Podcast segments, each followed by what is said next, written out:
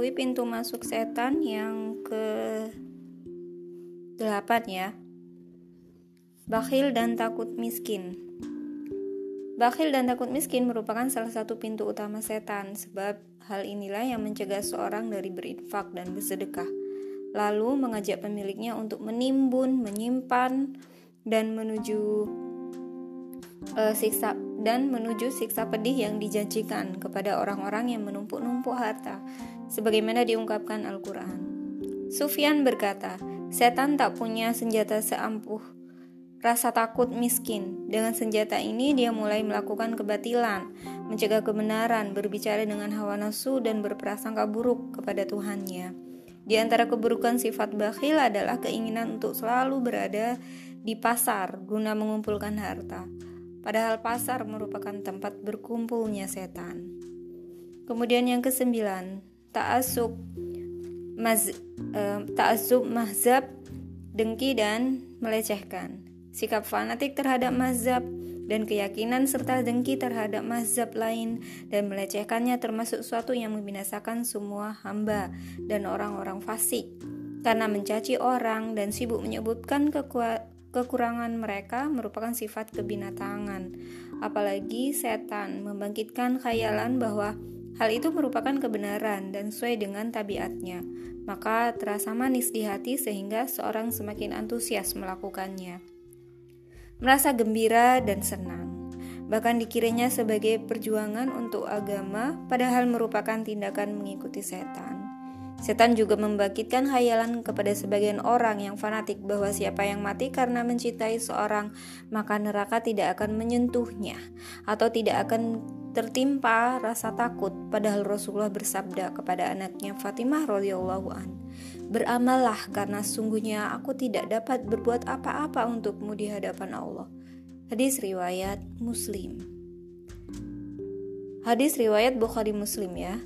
Ta'asub mazhab merupakan pintu masuk setan yang sangat besar yang banyak menghancurkan para ulama. Selanjutnya, mengajak orang awam untuk berpikir tentang zat Allah.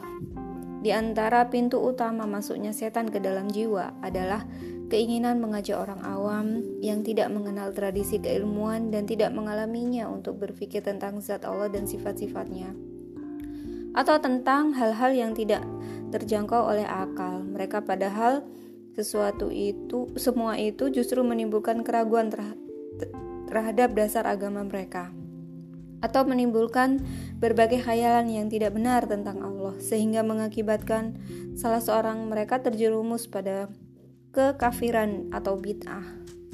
Orang yang melakukan hal semacam ini, tetapi dia merasa senang dengan apa yang berkecamuk di dalam dadanya, mengiranya sebagai makrifat dan basiroh, dan bahwa hal itu terungkap berkah berkat kecerdasan dan kehebatan akalnya. Sesungguhnya kondisi orang tersebut tidaklah seperti itu, sebab orang yang paling bodoh adalah orang yang paling kuat keyakinannya terhadap akalnya sendiri. Sedangkan orang yang paling berakal Dialah orang yang paling keras tuduhannya terhadap dirinya dan paling banyak bertanya kepada para ulama. Aisyah, radhiyallahu an berkata bahwa Rasulullah bersabda, Sesungguhnya setan mendatangi salah seorang di antara kamu selaya bertanya, Siapakah yang menciptakanmu? Lalu dia menjawab, Allah tabaraka wa ta'ala. Setan bertanya lagi, Siapakah yang menciptakan Allah? Jika salah seorang di antara kamu menghadapi hal tersebut, maka katakanlah, Aku beriman kepada Allah dan Rasul-Nya, karena jawaban tersebutlah yang dapat mengusirnya. E, pintu selanjutnya adalah berburuk sangka kepada kaum muslimin. Berburuk sangka kepada kaum muslimin merupakan pintu utama masuknya setan ke dalam jiwa. Allah berfirman, "Hai orang-orang yang beriman jauhilah kebanyakan dari prasangka. Sungguhnya sebagian prasangka itu adalah dosa. Al-Hujurat ayat 12. Ali bin Husain meriwayatkan dari Sofiyah binti Huyaz bin Ahtab bahwa Rasulullah pernah beritikaf di masjid. Sofia berkata, Sofia ini istri beliau ya, yang uh, anaknya uh, keturunan Yahudi gitu ya Sofia ini. Kemudian aku mendatangi beliau dan berbicara kepadanya. Setelah sore menjelang, gelap aku pun kembali lalu, lalu Rasulullah berjalan bersamaku. Di tengah jalan kami berpapasan dengan dua orang lelaki dari Ansor seraya mengucapkan salam. Kemudian kedua orang tua itu segera berjalan dengan cepat. Tapi kemudian Rasulullah memanggil keduanya seraya berkata, Sesungguhnya dia adalah Sofiyah bin Huyai. Kedua orang itu berkata, Wahai Rasulullah, kami tidak berprasangka kepadamu kecuali kebaikan. Rasulullah bersabda, Sesungguhnya setan mengalir pada peredaran darah tubuh anak Adam dan sesungguhnya aku khawatir setan akan masuk pada kalian berdua. Hadis riwayat Bukhari Muslim. Uh, itu pintu-pintu setan ya. Ada beberapa tadi sudah disebutkan. Di sini uh, ada sebuah kisah ya Muhammad bin Wasi setiap selesai sholat subuh membaca doa, Ya Allah sesungguhnya engkau menguasakan kepada kami musuh yang sangat paham terhadap aib-aib kami. Dia dan kaumnya melihat sedang kami tidak melihat mereka. Ya Allah kecewakanlah dia dari kami, sebagaimana engkau telah mengecewakannya dari rahmatmu. Buatlah dia berputus asa dari kami, sebagaimana engkau telah membuatnya putus asa dari ampunanmu. Dan jauhkanlah antara kami dan dia, sebagaimana engkau telah menjauhkan antara dia dan rahmatmu. Sesungguhnya engkau maha kuasa atas segala sesuatu. Kemudian Nabi bersabda, Tidaklah Umar menempuh suatu jalan, kecuali setan akan menempuh jalan yang lain, yang tidak dilewati Umar hadis riwayat Bukhari Muslim. Demikian ini karena hati telah tersucikan dari tempat gembala setan dan makanannya yaitu syahwat gitu ya. Karena Umar ini bisa mengendalikan hatinya. Tapi jika engkau menginginkan agar setan menjauh dari dirimu dengan zikir semata-mata sebagaimana dia lari dari Umar, maka engkau seperti orang yang ingin minum obat sebelum e, berpantang makan dan perut masih sibuk mengunyah makan makanan keras. Tapi engkau berharap agar obat itu bermanfaat sebagaimana bermanfaat bagi orang yang meminumnya setelah berpantang makan dan mengosongkan perut. Zikir adalah obat sedangkan takwa adalah berpantang, yaitu membersihkan hati dari berbagai syahwat. Apabila zikir turun di hati yang kosong, dari selain zikir maka setan akan pergi sebagaimana penyakit hilang dengan datangnya obat ke dalam perut yang kosong? Dari berbagai makanan ya maksudnya apa, uh, apa namanya?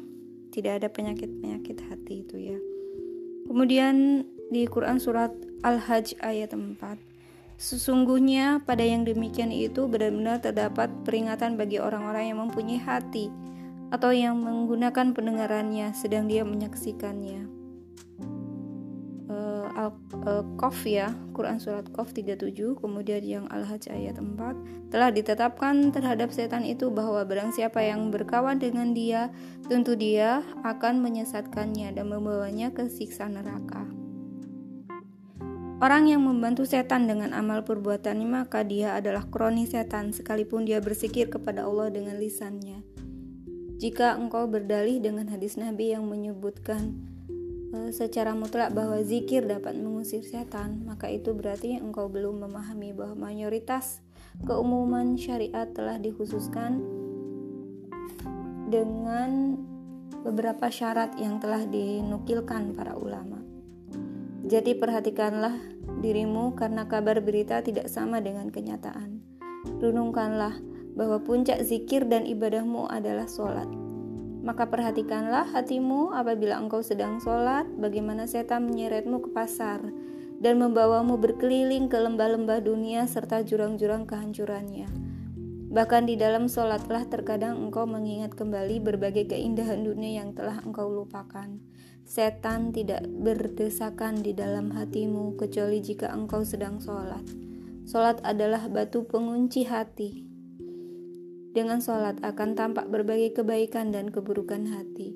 Oleh sebab itu, sholat yang dilakukan oleh hati yang syarat dengan syahwat dunia tidak diterima. sehingga tidak heran jika setan tak lari darimu, bahkan malah semakin menambah was-was kepadamu. Ibrahim bin Adham ditanya, "Mengapa doa kami tidak dikabulkan, padahal Allah telah berfirman, Berdoalah kepadaku, maka akan aku perkenankan bagimu." Al-Mu'min ayat 60. Ibrahim bin Adham menjawab, "Karena hati kami telah mati." Kemudian ditanyakan lagi kepadanya, apa yang bisa mematikannya? Kemudian dia menjawab, delapan hal yaitu karena kalian mengetahui hak Allah tetapi tidak melaksanakan haknya. Karena kalian membaca Al-Quran tetapi tidak mengamalkan hukum-hukumnya. Karena kalian mengatakan cinta Rasulullah tetapi tidak mengamalkan sunnahnya. Karena kalian mengatakan takut mati tetapi tidak mempersiapkan diri untuk menghadapinya. Karena Allah berfirman, Sesungguhnya setan itu adalah musuh bagimu, maka jadikanlah ia musuhmu. Al-Fatir ayat 6 Tetapi kalian mendukungnya dalam bermaksiat. Karena kalian mengatakan takut api neraka tetapi mencampakkan jasad kalian ke dalamnya. Karena kalian mengatakan cinta surga tetapi tidak berusaha untuk mendapatkannya karena ketika kalian bangun dari tidur, kalian kalian sembunyikan aib-aib kalian di balik punggung dan kalian sebarkan aib-aib orang lain di hadapan kalian hingga Tuhan kalian murka. Maka bagaimana mungkin dia mengabul, mengabulkan doa kalian? Itu uh, apa? Contoh uh, itu uh, pintu-pintu setan ya tadi.